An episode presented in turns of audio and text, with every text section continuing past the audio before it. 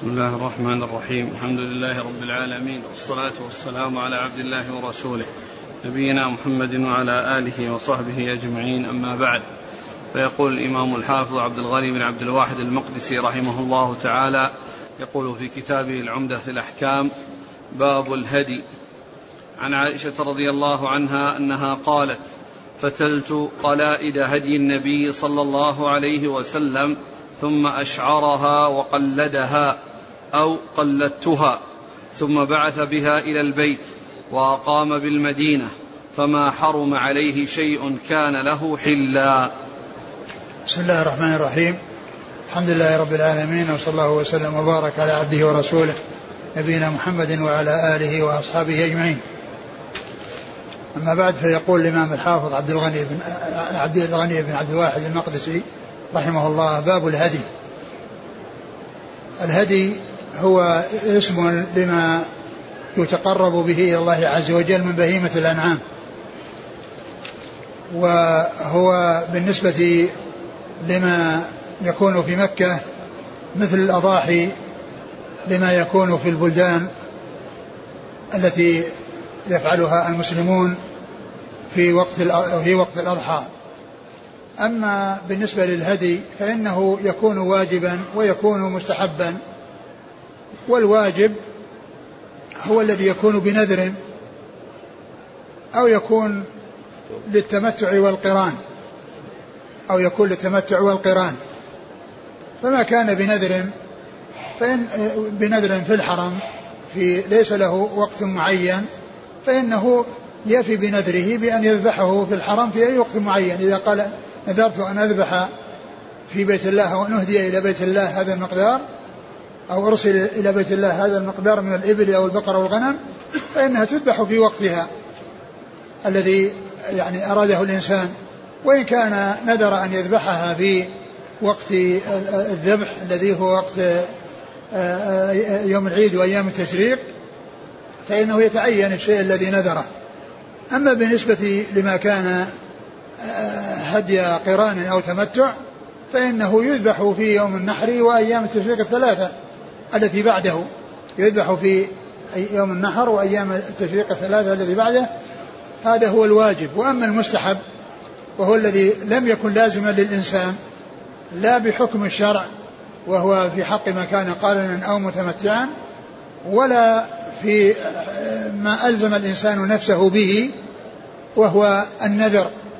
لأن النذر إذا نذر هديا يجب الوفاء به. و ومن كان قارنا أو مفردا فعليه هدي واجب وهو شاة أو سبع بدنة أو سبع بقرة. شاة أو سبع بدنة أو سبع بقرة. هذا هو اللازم. وأما التطوع فهو الذي يأتي به الإنسان تطوعا سواء في وقت الحج أو في غيره. بأن يذبح في البيت أو يذبح في الحرم آه، آه، آه، شيئا من بهيمة الأنعام تقرب من الله عز وجل كالمفرد الذي ليس عليه هدي لكن لو أراد أن يتطوع ويذبح هديا فله ذلك. والوجوب لا يجب عليه. الوجوب لا يجب عليه. وكذلك من أراد أن يرسل شيئا إلى الحرم ويعني هدي يرسل إلى الحرم ويذبح في الحرم ويوزع, ويوزع على فقراء الحرم له ذلك.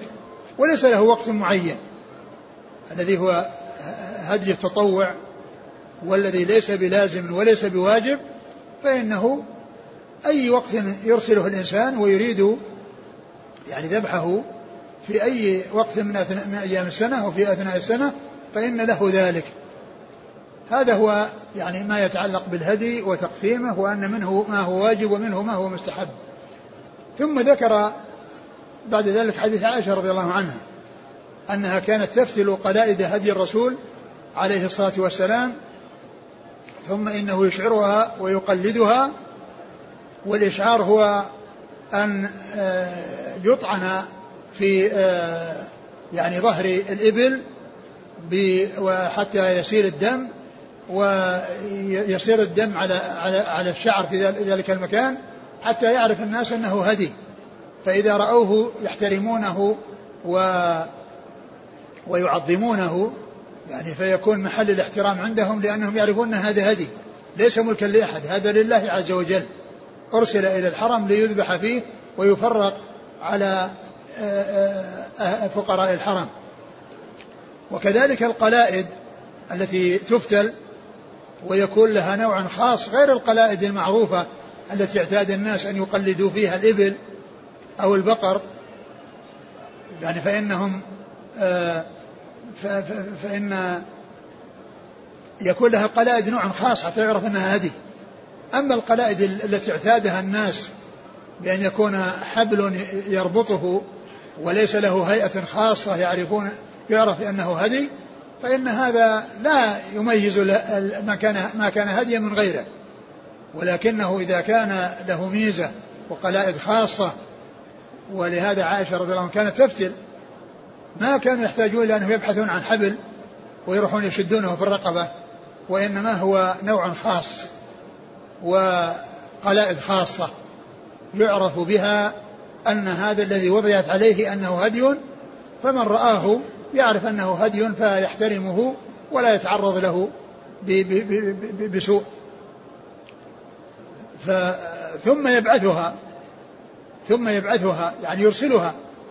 يوكل أحد يقوم بها يذهب بها ويذبحها هناك وينحرها هناك. ثم لا يكون النبي عليه الصلاة والسلام حرم عليه شيء بعد بعثه لذلك الهدي. لأنه ليس بمحرم لأن حرمة الشيء على الإنسان إذا ساق هديا وهو محرم. هذا هو الذي يعني المحرم هو الذي عليه هناك محظورات إحرام. وأما الإنسان الذي بعث هديا وبقي في بلده هذا لا يقال إنه محرم ولا يحرم عليه شيء آه، بسبب إرساله الهدي. وإنما المحظورات الإحرام هي تتعلق بالإحرام. من أحرم فهذا هو الذي يجب عليه الابتعاد عن محظورات الإحرام التي جاءت فيها الأدلة يبتعد عن محظورات الإحرام. وأما بالنسبة لمن يرسل الهدي فليس مثل من من يسوق الهدي. من يرسل الهدي ليس مثل من يسوق الهدي. فالذي يسوق الهدي وهو محرم يعني يحرم ويمتنع عن المحظورات ولا يقع فيها. ومن يكون في بلده ويرسل الهدي فلا يمتنع. له أن يجامع أهله وله أن يأخذ من شعره. يعني آه، في غير عشر ذي الحجة وله أن يقلم أظهاره ما لا يحرم عليه شيء بسبب آه، آه، كونه أرسل الهدي. وإنما المحظورات إنما تتعلق بالإحرام. في هذا يعني بيان أو في هذا الحديث بيان أن الهدي يوضع عليه علامات تدل عليه ومنها القلائد الخاصة التي تختلف عن القلائد التي تعارف عليها الناس واعتاد عليه اعتادها الناس وهي الحبال التي يضعونها في رقاب الإبل وغيرها.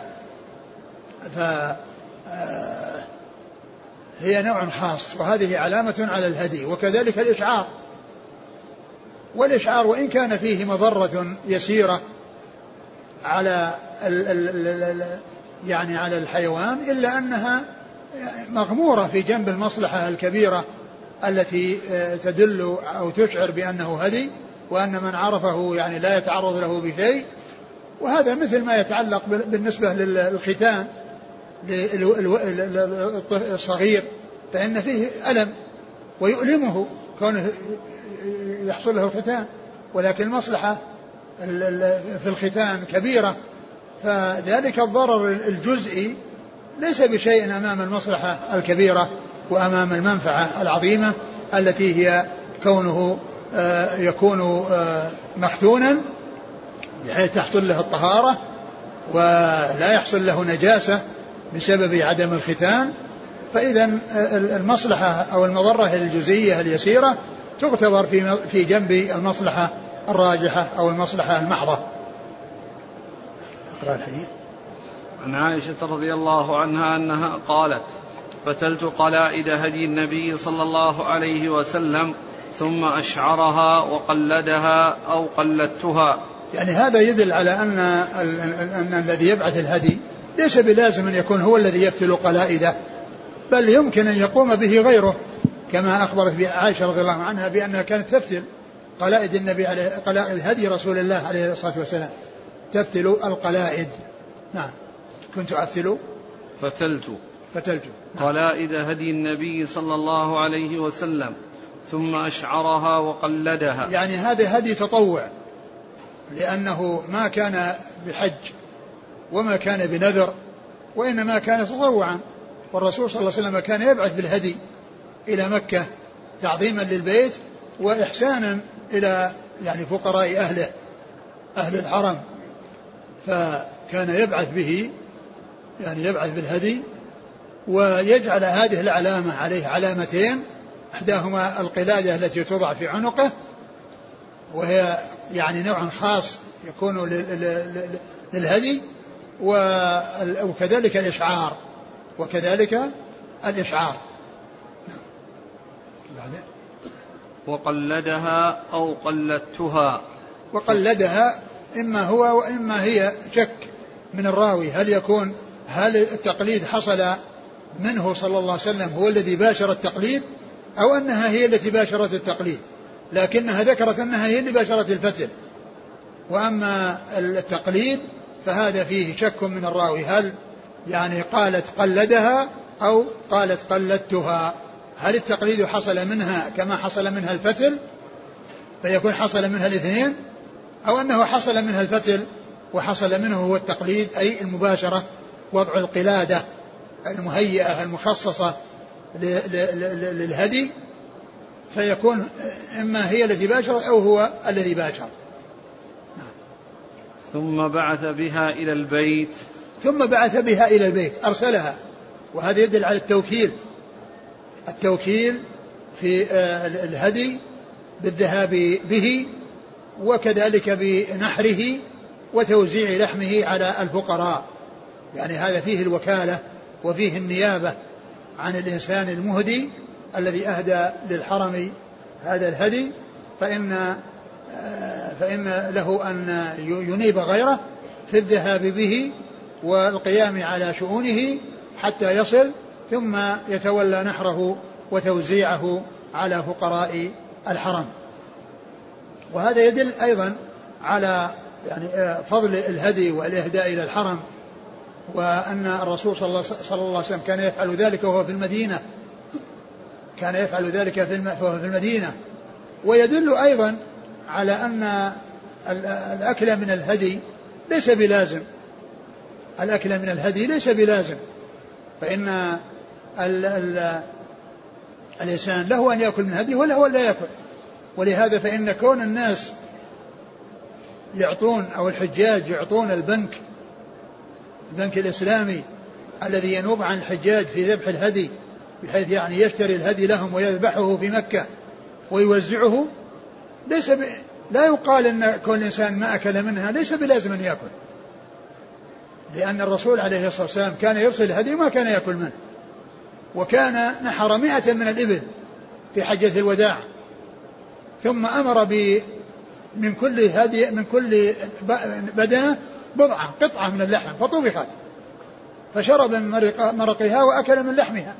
ومعلوم أنه ما أكل من من المئة وإنما أكل من بعضها. فلو كان الهدي الأكل منه لازما معنى ذلك أن الإنسان يأكل من كل هدي يقدمه. ومعلوم أن النبي عليه الصلاة والسلام لا يمكن أن يأكل يعني مئة لقمة يعني من من كل آه من كل ناقة.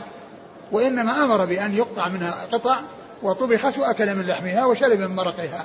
صلوات الله وسلامه وبركاته عليه. فدل على أنه لا يلزم الإنسان يأكل من هديه. وأن من أعطى البنك والبنك قام بالنيابة عنه فإن ذلك العمل صحيح والأكل ليس بلازم. إذا فرقه وأعطاه من يستحقه فهذا هو المقصود. ولكن إن أكل منه فإن ذلك سائر إذا كان الإنسان هو الذي ذبح هديه وأكل منه فإن ذلك سائر لأن الله تعالى قال, قال فكلوا منها وأطعموا البائس الفقير. فكلوا منها وأطعموا البائس الفقير. فله أن يأكل وله أن يعطي. ولكن ليس بلازم. نعم. وبعده. ثم؟ ثم بعث بها إلى البيت وأقام بالمدينة فما حرم عليه شيء كان حلا له كان له حلا. ثم بعث بها إلى مكة وأقام بالمدينة ولم يحرم عليه شيء كان حلالا له.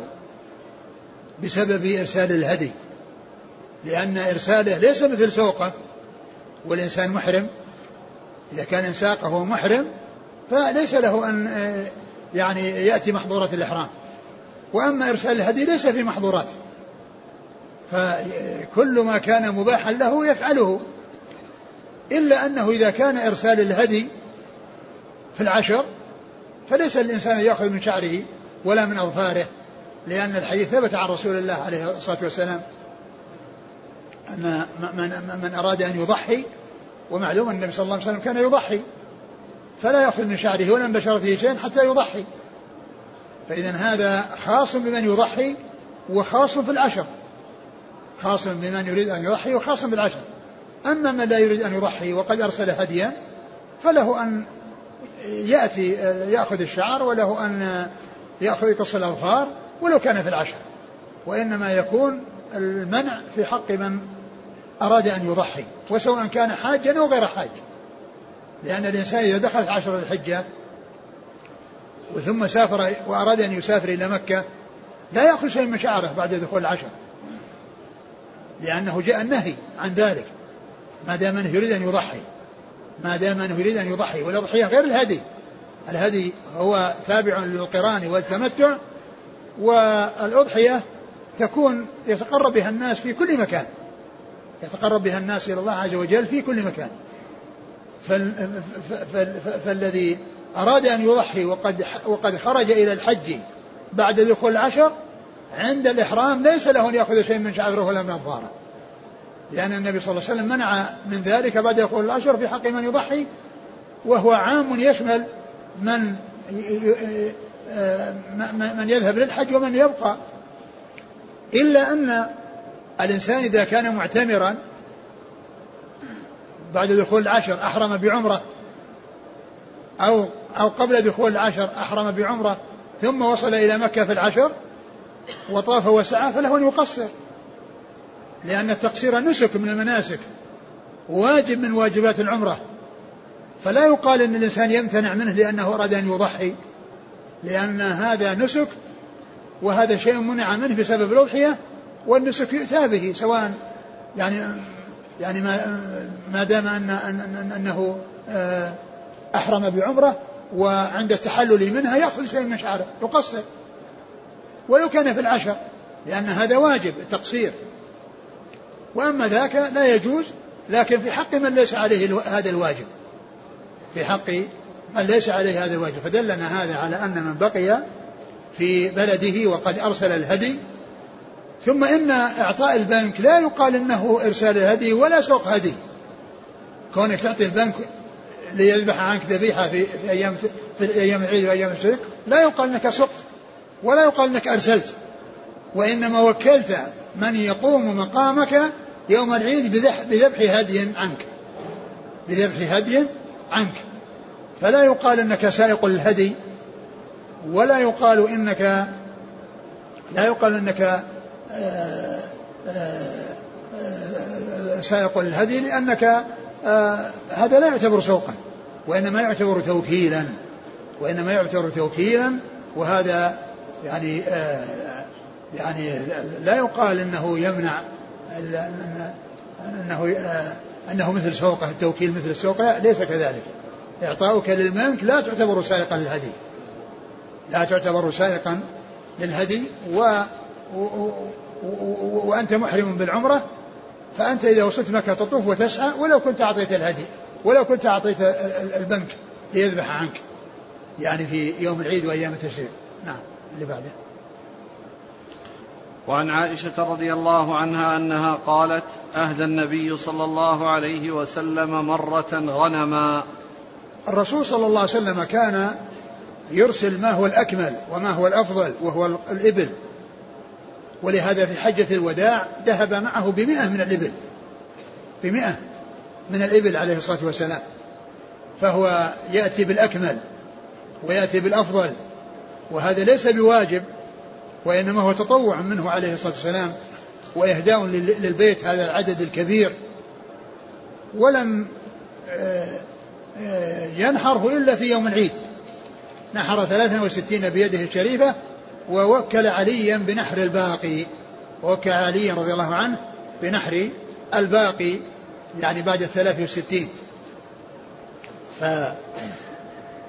فالرسول كان يختار الأكمل يعني فيما يبعثه. وجاء عائشة قالت أن النبي أهدى مرة غنما يعني مرة من المرات. يعني معناه أنه شيء قليل أو نادر كونه يعني يأتي أو يهدي الشيء الذي هو أقل من غيره وهو الغنم. وإنما المعروف من عادته أنه كان يهدي الإبل ولكنه أهدى مرة غنما. فدل على أن الإنسان له أن يهدي البقر يهدي الإبل وله أن يهدي البقر وله أن يهدي الغنم. يهدي ما هو ما هو أكمل من غيره وما هو دون دون الكامل. كل ذلك سائر. ولكن المعروف من عادته صلى الله عليه وسلم أنه كان يرسل الإبل لأنها أكمل وأعظم نفعا وأكثر نفعا. ومرة أهدى غنما. ومرة عليه الصلاة والسلام أهدى غنما. يعني معناه مرة من المرات. يعني ليس متكررا. وإنما التكرر إنما هو لما, لما هو الأكمل. نعم. وعن أبي هريرة رضي الله عنه أن نبي الله صلى الله عليه وسلم رأى رجلا يسوق بدنه فقال اركبها. قال إنها بدنه. قال اركبها. قال فرأيته راكبها يساير النبي صلى الله عليه وسلم. وفي لفظ قال في الثانية أو الثالثة اركبها ويلك أو ويحك. ثم ذكر هذا الحديث عن أبي هريرة. أن رجلا كان يسوق هديا له لم يركبه. فالنبي عليه صلى الله عليه وسلم لما رآه كذلك قال له اركب. يعني كيف يسوق ناقة وهو يمشي على على رجليه وهو بحاجة إلى الركوب ثم بعد ذلك لم يستفد منها ولم يركبها مع حاجته إليها لأن ما عنده غيرها. يعني يسوق هذه الناقة يمشي وراها يسوقها. فالرسول صلى الله عليه وسلم قال اركبها. فقال إنها بدنة يعني إنها بدنة مهداة. إنها بدنة يعني إنها بدنة مهداة. يكونها بدنة معروف أنها بدنة. ولكن المقصود بقوله بدنة أنها مهداة. ولهذا ما استعملها. ظنا منه أن المهدى لا يستعمل. وأن الإنسان لما أهدى يعني هذه البدنة وجعلها هديا أنه لا يركبها. فالرسول قال اركبها. قال إنها بدنة يعني وهذا هو الذي منعه من أن يركبها. ظنا منه أن الهدي لا يستفاد منه بالركوب. ظنا منه أن الهدي لا يستفاد منه بالركوب. فقال عليه الصلاة والسلام اركبها. يعني, يعني ولو كانت هديا الإنسان إذا هذا يدل على أن الهدي إذا احتيج إليه فالركوب أنه يركب وأنه لا بأس بذلك وأن من آه يعني وقف شيئا فله أن يستفيد من الوقف مع غيره مثل ما حصل من عثمان رضي الله عنه لما اشترى البئر التي سبلها وصار يستفيد منها كغيره دلاؤه مع دلاء المسلمين. دلوه مع دلاء المسلمين. يعني معناه يستفيد من من, من وقته. فهذا وإن كان موقوفا لله عز وجل وأخرجه لله عز وجل إلا أن له أن يستفيد منه. إلا أن له أن يستفيد منه وأن يركبه. فالنبي عليه الصلاة والسلام قال له اركبها. فقال إنها بدنة أي بدنة مهداة. قال اركبها يعني ولو كانت بدنة. فدل هذا على جواز استخدام أو استعمال الهدي عند الحاجة إليه لأن الرسول عليه الصلاة والسلام ما قاله إلا لمن كان محتاجا إليه. أما لو كان معه ناقة أخرى وركبها فإنه لا يركب الهدي ولا يستعمل الهدي وإنما يستعمل ناقته التي يعني آه، يستخدمها ويستفيد منها. لكن حيث ليس معه شيء يستفيد منه فإنه يجوز له أن يستفيد من الهدي وأن ينتفع بالهدي وأن يركب عليه ويسلم من مشقة التعب بكثرة المشي. لهذا أرشده الرسول عليه الصلاة والسلام. نعم. أقرأ الحديث مرة ثانية. عن أبي هريرة رضي الله عنه أن نبي الله صلى الله عليه وسلم رأى رجلا يسوق بدنه. قال اركبها. قال إنها بدنة. قال اركبها قال فرأيته راكبها يساير النبي صلى الله عليه وسلم. وفي يعني, أن يعني أنه لما أمره في الثانية بعد أن أخبره بأنها هدي امتثل. فقال فرأيته راكبها يساير النبي يعني يعني يسايره يمشي معه عليها. يسير يسير معه عليها. يسير مع يعني مع رسول الله صلى الله عليه وسلم على هذه البدنة التي هي هدي وأذن له الرسول عليه الصلاة والسلام بركوبها. نعم. وفي لفظ قال في الثانية أو الثالثة اركبها ويلك أو ويحك. يعني هذا شك من الراوي. هل قال ويلك أو ويحك؟ وهي وهما كلمتان يؤتى بهما يعني للتغليظ على الإنسان والتأكيد عليه في الشيء الذي آه، توقف فيه أو الشيء الذي لم يحصل منه الإقدام على استعماله بعد أن عرف يعني حكمه قال اركبها ويلك أو ويحك. نعم.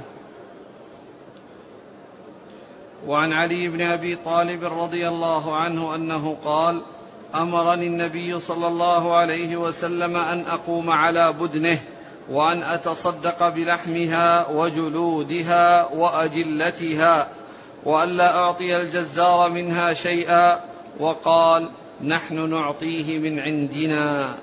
ثم ذكر حديث علي رضي الله عنه أنه قال وكله النبي صلى الله عليه وسلم على بدنه يعني يقوم بتفريق لحمها وجلتها ويعني جلودها يعني أن ال ال ال أن أن أن الهدي آه، يعني آه، يوزع يعني ويعطى للفقراء والمساكين ويعطى من يستحقه لأن علي رضي الله عنه ناب عن النبي عليه الصلاة والسلام آه، بتوزيع لحمه وتوزيع جلوده وجلاله ولا وأمره أن لا يعطي الجزار الذي يتولى جزرها وسلخها وتقطيع لحمها لا يعطيه منها لأن هذا يعني على سبيل المعاوضة. يعني معناه كأنه جزء من لحمها راح في مقابل العمل. ليس لم يذهب قربة إلى الله عز وجل وإنما ذهب في مقابل عمل. عمله الذي أعطي إياه. قال ونحن نعطيه من عندنا. يعني أجرته تكون ليست من الهدي وإنما هي من خارج الهدي. وإذا أعطاه لحما لفقره ولحاجته سواء كان أو, أو, أو هدية فإنه لا بأس بذلك. أما أن يكون أجرة فهذا هو الذي لا يجوز. لا يجوز أن, يؤاجر بأن يذبحها بجزء منها سواء معلوما أو مجهولا أو, أو بنسبة. يعني يقول اذبحها ولك العشر أو اذبحها ولك ولك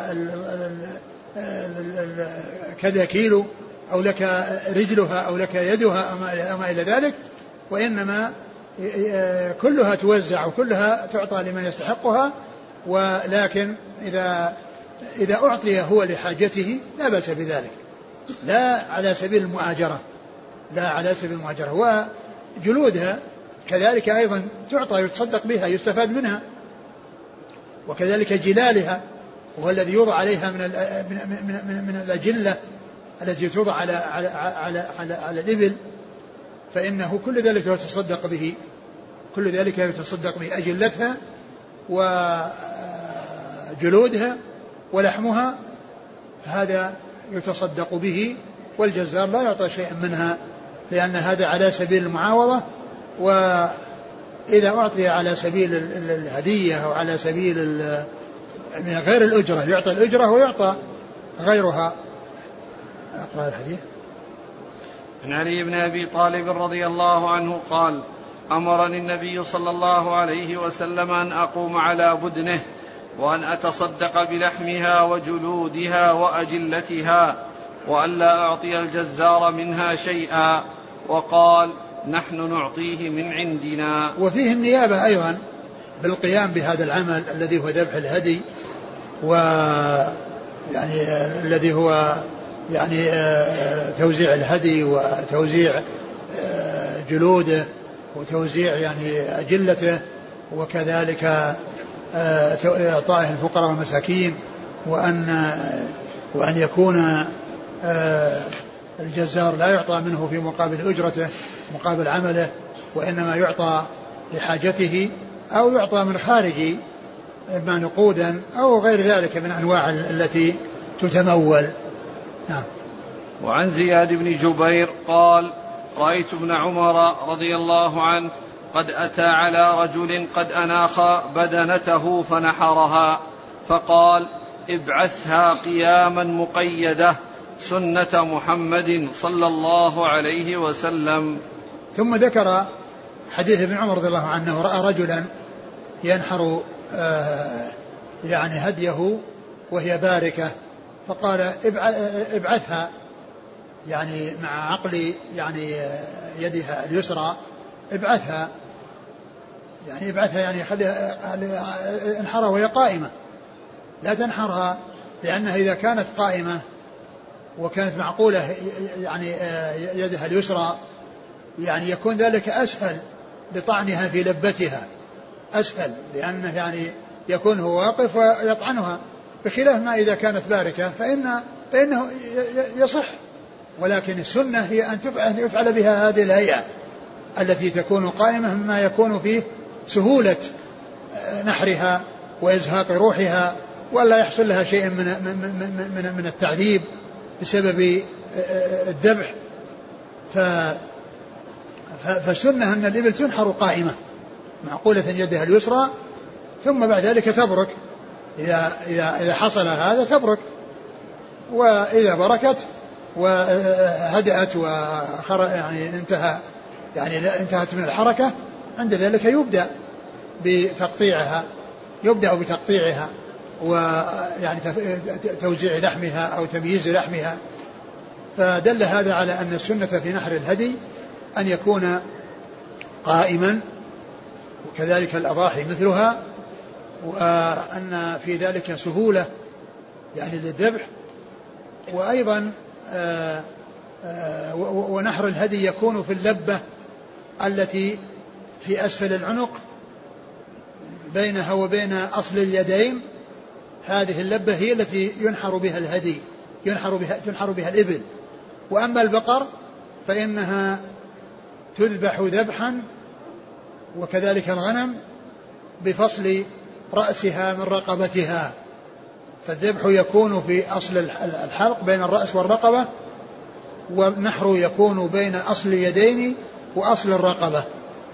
والنحر للإبل والذبح للبقر والغنم بحيث تفجع على جانبها الأيسر ويعني آه، آه، ثم يعني آه، يعني يذبحها و ويجوز نحر ما يذبح وذبح ما ينحر. يعني الغنم يجوز أن تنحر وأن يكون ذلك بأصل رقبتها وما بينها وبين اليدين وكذلك البقر والإبل يجوز أن تذبح. يعني بأن يكون مع حلقها بين رأسها ورقبتها. فهذا هو الأصل في الإبل والبقر والغنم لكن يجوز العكس. هذا هو الأصل وهذا هو المستحب. ولكن إذا فعل العكس جاز. يجوز نحر ما يذبح بأن يكون الغنم والبقر في أصل رقبتها عند أصل يديها ويجوز ذبح ما ينحر وهو الإبل بأن تذبح بين حلقها ورقبتها بين حلقها ورقبتها. قال ابعثها سنة محمد صلى الله عليه وسلم. وهذا فيه يدل على الرفق بالحيوان. وكما جاء في الحديث الصحيح إذا ذبحتم إن الله كتب الإحسان على كل شيء فإذا ذبحتم فأحسن الذبحة وإذا قاتلتم فأحسن القتلة وليحد أحدكم شفرته وليرح ذبيحته. عن زياد بن جبير قال رأيت ابن عمر قد أتى على رجل قد أناخ بدنته فنحرها فقال ابعثها قياما مقيدة. سنة محمد صلى الله عليه وسلم. قوله سنة نبي محمد صلى الله عليه وسلم هذا هو الذي يدل على أنه مرفوع. هذا الذي يدل على رفعه وأنها وأنه مضاف إلى الرسول صلى الله عليه وسلم. انتهى الباب. نعم. طيب شوف المنسك. عند الهدي في أعمال يوم النحر. أول أعمال النحر أول أعمال يوم النحر. يكون نحر الهدي إن كان إبلا. نعم إيش؟ أعمال يوم النحر. أعمال يوم النحر أربعة. نعم. وهي رمي جمرة العقبة ونحر الهدي أو ذبحه وحلق شعر الرأس أو تقصيره. وطواف الإفاضة والسعي بعده لمن كان عليه سعي. وقد فعلها رسول الله صلى الله عليه وسلم على هذا الترتيب. فإنه صلى الله عليه وسلم رمى ثم نحر ثم حلق ثم طاف. ويجمع أوائل حروف, حروف هذه الأعمال على هذا الترتيب كلمة رنحط. ويجمع. ويجمع أوائل حروف هذه الأعمال على هذا الترتيب كلمة رنحط. فيضبط الحاج ترتيبها بترتيب هذه الحروف. فالراء للرمي والنور والنون للنحر والحاء للحلق والطاء للطواف. والأولى فعلها على هذا الترتيب اقتداء برسول الله صلى الله عليه وسلم. ولما كان حصل من بعض الصحابة رضي الله عنهم فعل بعض هذه الأعمال على خلاف ترتيبه صلى الله عليه وسلم سألوه عن ذلك فأجابهم بأنه لا حرج. ومما سألوه عنه الحلق قبل الذبح والذبح قبل الرمي والحلق قبل الرمي وطواف الإفاضة قبل الرمي والرمي في المساء لأن رميه صلى الله عليه وسلم كان في الصباح ضحى والسعي قبل الطواف لأن النبي صلى الله عليه وسلم سعى بعد طواف القدوم. ولأن أصحابه الذين كان عليهم سعي سعوا بعد طواف الإفاضة. فعن عبد الله بن عمرو بن العاص رضي الله عنهما أن رسول الله صلى الله عليه وسلم وقف في حجة الوداع فجعلوا يسألونه فقال رجل لم أشعر فحلقت قبل أن أذبح قال اذبح ولا حرج. فجاء آخر فقال لم أشعر فنحرت قبل أن أرمي قال ارمي ولا حرج. فما يعني هذا الكلام كله من أجل أنهم وقع منهم شيء لا يتفق مع فعله صلى الله عليه وسلم قدموا وأخروا. فالرسول عليه الصلاة والسلام أخبرهم بأن التقديم والتأخير لا يؤثر يعني في هذه الأعمال. لا يؤثر في هذه الأعمال التي أعمال يوم النحر الأربعة. التقديم والتأخير فيها جائز. يعني سواء الإنسان متعمد أو غير متعمد. لا بأس بالتقديم والتأخير لأن الترتيب ليس بلازم وليس بواجب. لأن النبي عليه الصلاة والسلام أخبر بأن التقديم والتأخير بينها أنه لا بأس به وأن ما حصل منه خلاف ما فعل صلى الله عليه وسلم فإنه لا حرج عليه. ولهذا قال افعل ولا حرج يعني افعل الشيء الذي يكون بعد هذا الشيء. إلا أنه لما كان يعني ذكر الرمي في المساء يعني ليس فيه يعني شيء يتعلق به قال لا حرج. لما قال رميته بعد ما امسيت قال لا حرج. لأن الذي حصل هو تأخير. تأخير شيء عن الوقت الذي فعله الرسول صلى الله عليه وسلم به. فقال له لا حرج. يعني فعلك لا حرج فيه. وأما في الأشياء اللي حصل فيها تقديم وتأخير يعني بحيث فعل واحدا وبقي آخر قال افعل ولا حرج. افعل كذا الذي آه يعني أخرته. وكان يعني غير مطابق لترتيبه صلى الله عليه وسلم. نعم. فما سئل النبي صلى الله عليه وسلم يومئذ عن شيء قدم ولا أخر إلا قال افعل ولا حرج. رواه البخاري ومسلم. وفي رواية لمسلم عنه قال وهذا يعني كما هو معلوم في أعمال يوم النحر. ما سئل عن شيء قدم ولا أخر يومئذ. يعني في هذا اليوم. لكن لا يعني ذلك أن الأشياء التي مرتبة يعني يعني يعمل بهذا يعني يستدل بهذا عليها مثل رمي الجمرات لأنها ترمى الأولى ثم الوسطى ثم العقبة. لا يقال أنه يقدم ويؤخر ولا حرج وإنما عليه أن يرتب بهذا الترتيب لأنه ما جاء عن النبي صلى الله عليه وسلم يدل على أنه يجوز تقديم بعضها على بعض. وإنما يؤتى بها مثل ما أتى بها الرسول عليه الصلاة والسلام. لكن هذه أعمال يوم النحر الأربعة قال فيها لا حرج. أعمال يوم النحر قال فيها عليه السلام لا حرج. فلا يستدل به على أن كل شيء فيه ترتيب أن الإنسان يغير يخالف هذا الترتيب بناء على قوله في يوم العيد افعل ولا حرج. في أعمال يوم العيد افعل ولا حرج. وفي رواية لمسلم عنه قال سمعت رسول الله صلى الله عليه وسلم وأتاه رجل يوم النحر وهو واقف عند الجمرة فقال يا رسول الله إني حلقت قبل أن أرمي قال أرمي ولا حرج. وأتاه آخر فقال إني ذبحت قبل أن أرمي قال أرمي ولا حرج. وأتاه آخر فقال أفضت إلى البيت قبل أن أرمي قال أرمي ولا حرج. فما رأيته سئل يومئذ عن شيء إلا قال افعلوا ولا حرج. وروى البخاري نحوه من حديث ابن عباس رضي الله عنهما وروى أيضا عنه قال كان النبي صلى الله عليه وسلم يسأل يوم النحر بمنى فيقول لا حرج. فسأله رجل فقال حلقت قبل أن أذبح؟ قال اذبح ولا حرج. قال رميت بعدما أمسيت. فقال لا حرج. وعن أسامة بن شريك رضي الله عنه قال خرجت مع النبي صلى الله عليه وسلم. قوله رميت بعدما أمسيت. هذا يدل على يعني على أن يعني قال في أوله قال وقف يوم النحر كان؟ في أوله قال يوم النحر؟ كان صلى الله عليه وسلم يسأل يوم النحر بمنى. نعم. وقال في آخره رميت بعدما أمسيت. نعم. هذا يدل على أن هذا الكلام كان في المساء. يدل على أنه كان في المساء يعني بعد الزوال. لأن لأن لأن رميه كان في الضحى. وإذا هذه الأسئلة دل على أنها في آخر النهار لأن قال رميته بعدما أمسيت. لأنها إخبار عن شيء قد وقع وقد سأله بعدما رمى. فإذا هذا الرمي أو هذا هذا الإفتاء وهذا الجواب من رسول الله عليه الصلاة والسلام على هذه الأسئلة كان في آخر النهار لقوله رميت بعدما أمسيت. لأن الرمي قد حصل منه في نفس اليوم. وقال بعدما أمسيت. والسؤال بعد الرمي إذا الرمي إذا السؤال في المساء وليس في الصباح. نعم.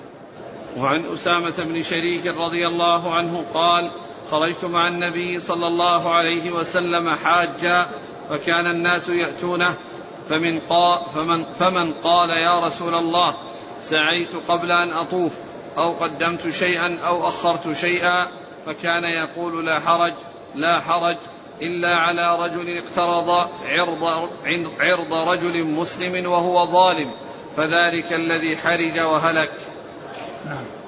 رواه أبو داود بإسناد صحيح على شرط البخاري ومسلم نعم. وهذه الأعمال الأربعة يحصل التحلل بثلاثة منها وهي الرمي والحلق والطواف لأنها مطلوبة من المتمتعين والقارنين والمفردين. وأما النحر فلا علاقة له بالتحلل لأنه يلزم القارنين والمتمتعين بخلاف المفردين فإنه لا يلزمهم. ومن أتى بالأعمال يعني هذه الأعمال الأربعة التي أعمال يوم النحر ثلاثة منها هي التي لها علاقة بالتحلل وواحد لا علاقة له بالتحلل الذي هو النحر. لأن التي لا علاقة بالتحلل الرمي والحلق أو التقصير والطواف والسعي بعده لمن كان عليه سعي. هذه هي هذه الأمور الثلاثة هي التي يكون بها التحلل. إذا أتي باثنين من ثلاثة حصل التحلل الأول الذي يحل معه كل شيء إلا النساء يعني يحل الطيب ويحل لبس الثياب وتغطية الرأس. كل شيء حرم عليه بالإحرام حل له إلا النساء حتى يأتي بالثالث. فإذا فعل الأمور الثلاثة حل له كل شيء حتى النساء. فإذا رمى وحلق أو قصر وطاف طواف الإفاضة وسعى إذا كان عليه سعي قبل الظهر من يوم العيد حصل التحلل الكامل الذي يحل معه كل شيء حتى النساء. فله أن يجامع وله أن يلبس الثياب وأن يغطي رأسه. كل شيء حرم عليه بالإحرام حل له. كل شيء حرم عليه بالإحرام حل له. ف ف يعني يكون بذلك آه، آه، حصل التحلل الكامل. وإذا فعل اثنين من ثلاثة وإنما يعني قال العلماء اثنين من ثلاثة لأن الرسول صلى الله عليه وسلم رتبها رتبها ولكنه قال افعل ولا حرج. فدل على أن الترتيب ليس بلازم. والرسول صلى الله عليه وسلم رمى ثم حلق رمى يعني ونحر وحلق وبعد الحلق يعني آه تطيب. كما جاء في حديث عائشة كنت أطيب رسول الله صلى الله عليه وسلم لإحرامه قبل أن يحرم ولحله قبل أن يطوف البيت. فمعنى ذلك أنه تطيب بعد اثنين اللي هي الرمي والحلق. أما النحر هذا لا علاقة له بالتحلل لأن النحر لا يلزم الحجاج كلهم لأن المفردين لا هدي عليهم لا نحر عليهم وإنما الذي يلزم الحجاج كلهم قارنين ومتمتعين مفردين هذه الأمور الثلاثة. فإذا فعل اثنين من ثلاثة حصل التحلل. الأول الذي يحل معه كل شيء إلا النساء وإذا فعل الثلاثة كلها حل له كل شيء حتى النساء كل شيء حرم عليه بإحرام يمكن أن يجامع الإنسان أهله يعني في نفس يوم العيد إذا حصل منه فعل الأمور الثلاثة لأنه حصل التحلل الكامل الذي يحل معه كل شيء. أما النحر كما عرفنا فإنه لا علاقة له بالتحلل لأنه ممكن ما ينحر إلا يوم 13 قد تحلل وحصل التحلل يوم العيد والذبح يمكن ما يتم إلا يوم يوم 13 آه، يمكن ب 11 يمكن ب 12 يمكن ب 13 فليس فلا علاقة له بالتحلل الذي هو النحر. نعم. ومن أتى بالأعمال الثلاثة حصل له التحلل التام الذي يحل معه كل شيء حتى النساء. ومن أتى باثنين من الثلاثة حصل له التحلل الأول الذي يحل معه كل شيء إلا النساء. لحديث عائشة رضي الله عنها قالت كنت أطيب رسول الله صلى الله عليه وسلم لإحرامه حين يحرم ولحله قبل أن يطوف بالبيت. رواه البخاري ومسلم. وطوافه صلى الله عليه وسلم بالبيت كان بعد الرمي والحلق. وإنما قيل بحصول التحلل بفعل اثنين من ثلاثة لأن التقديم والتأخير في أعمال يوم النحر جائز كما تقدم. دفع النبي صلى الله عليه وسلم. بعد الذهاب إلى الهدي. دفع النبي إلى مزدلفة. دفع النبي صلى الله عليه وسلم بعده. اللي بعده. يكون نحر الهدي إن كان إبلا وذبحه إن كان بقرا أو غنما في يوم النحر وأيام التشريق الثلاثة ليلا أو نهارا سواء كان الهدي واجبا لتمتع أو قران أو نذر أو كان تطوعا. وأقل يعني هذا إذا كان في أيام الحج. وأما إذا كان في آه، هدي تطوع في أثناء السنة فإنه يذبح في الوقت الذي آه، يهدى فيه ويوصل إليه مثل ما كان النبي صلى الله عليه وسلم يبعث يعني في أثناء السنة ليس في أيام الحج. يقول ليس في أيام الحج وإنما في أثناء السنة. فإذا أرسله الإنسان في أي وقت من أوقات السنة فإنه ينحر. يعني في, في, في الوقت الذي آه، يعني يصل إلى مكة. وأما ما كان في أيام الحج فإنه يكون يوم النحر وأيام التشريق الثلاثة الأربعة. التي هي أيام ذبح الهدي وذبح الأضاحي. ذبح الأضاحي للحجاج ولغيرهم إذا إذا ضحى إذا إذا ضحى الحجاج لا بأس ولكن كونهم يضحون في بلادهم أولى لكثرة اللحم في مكة وكون بلادهم أحوج إلى الأضاحي فكونها تفعل في البلاد أولى. وإن ذبحت في الحرم لا بأس لكن لكثرة اللحم في أيام منى والحاجة إلى الناس إليه في البلاد ينبغي أن يكون ذلك في بلادهم حتى يستفيدوا منه يعني هم وغيرهم من من من من من من, من, من ذويهم ومن له صلة بهم وكذلك من الفقراء والمساكين في في بلادهم. ف يعني يكون يوم العيد ولا يكون قبله لأن المتمتعين الذين حلوا من عمرتهم ما ذبحوا هديهم إلا في يوم العيد والقارنين والمفردين باقون على إحرامهم ويذبحونه يوم العيد. وكذلك أيام التشريق الثلاثة ويكون الذبح ليلا ونهارا. الذبح يكون ليلا ونهارا في يعني ليالي ليالي التشريق يعني ليلة 11 وليلة 12 وليلة 13 وأما الليلة التي بعد 13 هذه ليست ليست من أيام التشريق لأن أيام الذبح تنتهي بغروب الشمس في اليوم الثالث عشر. أي أيام الذبح التي هي يعني يوم العيد وثلاثة الأيام بعده نهايتها غروب الشمس من يوم من اليوم الثالث عشر عند ذلك ينتهي وقت الذبح. فالليلة التي بعدها ليست منها وإنما المقصود بليالي التشريق الليالي التي قبل اليوم. ليلة 11 وليلة 12 وليلة 13 ليلة اليوم تسبقه ليلة اليوم تسبقه لا تكون بعده. فإذا غابت الشمس من اليوم الثالث عشر انتهى وقت الذبح سواء للأضاحي أو للهدي. نعم. وأقل الهدي شاة أو سبع بدنة أو سبع بقرة يجزئ فيه ما يجزئ في الإضحية. وهو يعني آه آه نعم كمل.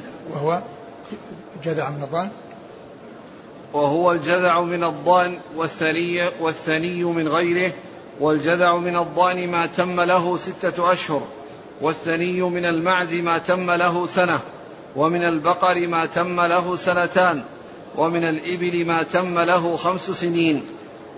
يعني هذه ال ال ال ال ال ال ال الأضاحي يعني مقدارها أو يعني هي الإبل والبقر والغنم وأكملها الإبل وأقلها الغنم.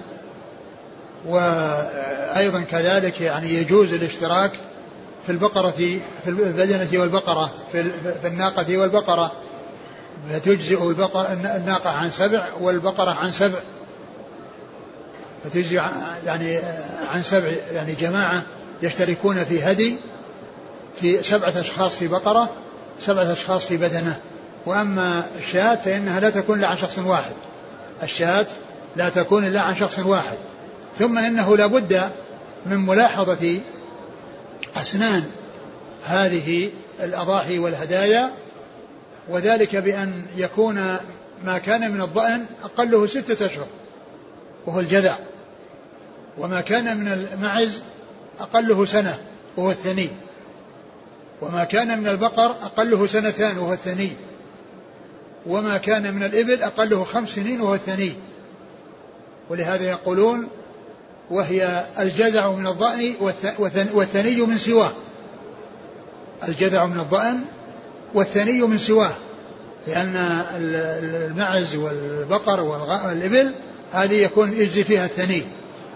والثني من البقر من من الغنم ما تم سنة ودخل في الثانية ومن البقر ما أكمل سنتين دخل في الثالثة ومن الإبل ما أكمل خمس سنوات ودخل في السادسة. نعم.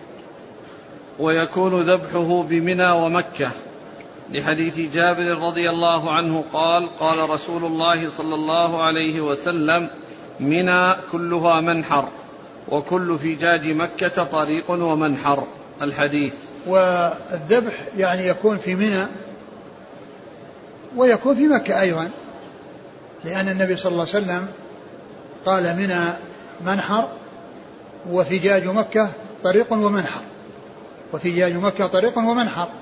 يعني فالنحر لا يكون مقصورا على منى وإنما يكون أيضا في مكة كما ثبت بذلك الحديث عن رسول الله عليه الصلاة والسلام. نعم.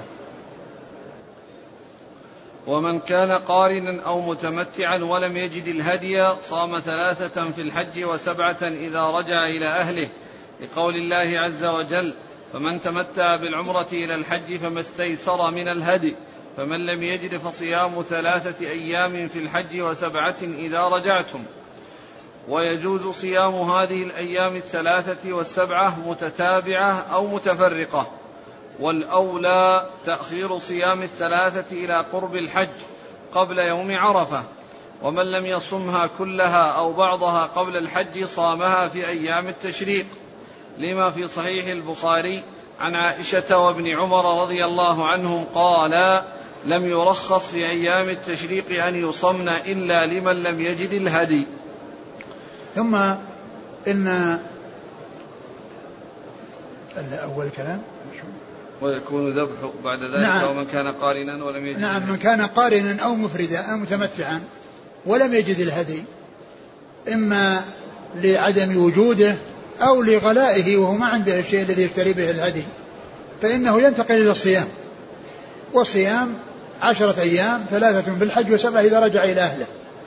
وسبعة إذا رجع. فإن ثلاثة الأيام هذه تكون بمكة. وينبغي أن تكون والأولى أن تكون قريبة من الحج. وأن تكون قبل يوم عرفة. وأن تكون قبل يوم عرفة. لأن الإنسان إذا كان وصل إلى مكة في أول شوال آتيا بعمرة وسيبقى إلى الحج قد يحصل شيء في في شوال وفي ذي القعدة. لكن إذا كان آه، جاء متأخرا وليس معه شيء أو ليس عنده قدرة على الهدي فإنه يصوم ثلاثة أيام وتكون قبل يوم عرفة. يعني بعد أن دخل في العمرة وانعقدت أسباب التمتع فإنه أو كذلك يعني بالنسبة لل يعني لل بأن يكون قريبا فإنه يكون بأن إذا كان قريبا من الحج يكون يؤخر إذا كان بعيدا من الحج وصوله إلى مكة يؤخره إلى قرب الحج. وإذا كان وصل متأخرا فإنه يصوم يعني في هذه الأيام التي هي السادس والسابع والثامن أو قبلها لأنه عند ذلك يكون عرف أنه يعني ما عنده شيء. وإذا لم يتمكن من أنه صام قبل كلها أو بعضها فإنه يصوم في أيام التشريق الثلاثة وإن صام اثنين قبل الحج واثنين في واحد في أيام التشريق أو واحد قبل الحج واثنين في أيام التشريق كل ذلك يصح. ويستحب لصاحب الهدي أن يأكل من هديه ويتصدق لقول الله عز وجل. يعني هذه الأيام الثلاثة قلنا أن الأولى أن تكون قريبة من الحج وقبل يوم عرفة وإن صام بعضها قبل الحج وبعضها في أيام التشريق لا بأس بأن يصوم يوم يومين قبل عرفة ويوم في أيام التشريق أو كلها في أيام التشريق الثلاثة كل كل ذلك سائق وقد جاء جاءت السنة في ذلك كما جاء في حديث ابن عمر وعائشة رضي الله عنهم. لم يرخص في أيام التشريق أن يصمنا إلا لمن لم يجد الهدي. لم يرخص في أيام التشريق أن يصمنا إلا لمن لم يجد الهدي. وأيام التشريق هي يعني الحادي عشر والثاني عشر والثالث عشر. ف يعني لا يجوز صيامها إلا لمن لم يجد هدي ولهذا الذي يصوم أيام البيض لا يجوز له أن يصوم الثالث عشر في شهر ذي الحجة لأنه من أيام التشريق ولم يرخص في أيام التشريق أن يصومنا إلا لمن لم يجد الهدي فصومها خاصة يعني في من يتعلق بمن لم يجد الهدي واليوم الثالث عشر هو من أيام البيض ومن اعتاد أن يصوم أيام البيض فلا يصوم الثالث عشر لأنه منهي عن صيامه ولم يرخص في صيامه لأحد إلا لمن لم يجد الهدي. ثم إن هذه الثلاثة وكذلك السبعة. تكون متفرقة وتكون متصلة. فالإنسان يسردها يعني الثلاثة وله أن يفرقها.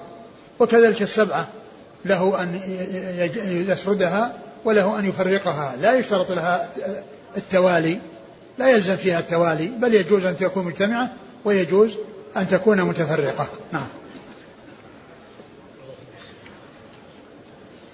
ويستحب لصاحب الهدي أن يأكل من هديه وتصدق لقول الله عز وجل فكلوا منها وأطعموا البائس الفقير وله أن يهدي منها ولو كان المهدى له غنيا ولأن النبي صلى الله عليه وسلم أكل من لحم هديه وشرب من مرقه. ففي حديث جابر الطويل في صحيح مسلم قال ثم انصرف إلى المنحر فنحر ثلاثا وستين بيده. ثم أعطى عليا فنحر ما غبر وأشركه في هديه. ثم أمر من كل بدنة ببضعة فجعلت في قدر فطبخت. كلمة غبر هذه من الأضداد يعني, يعني تكون للباقي وتكون للماضي.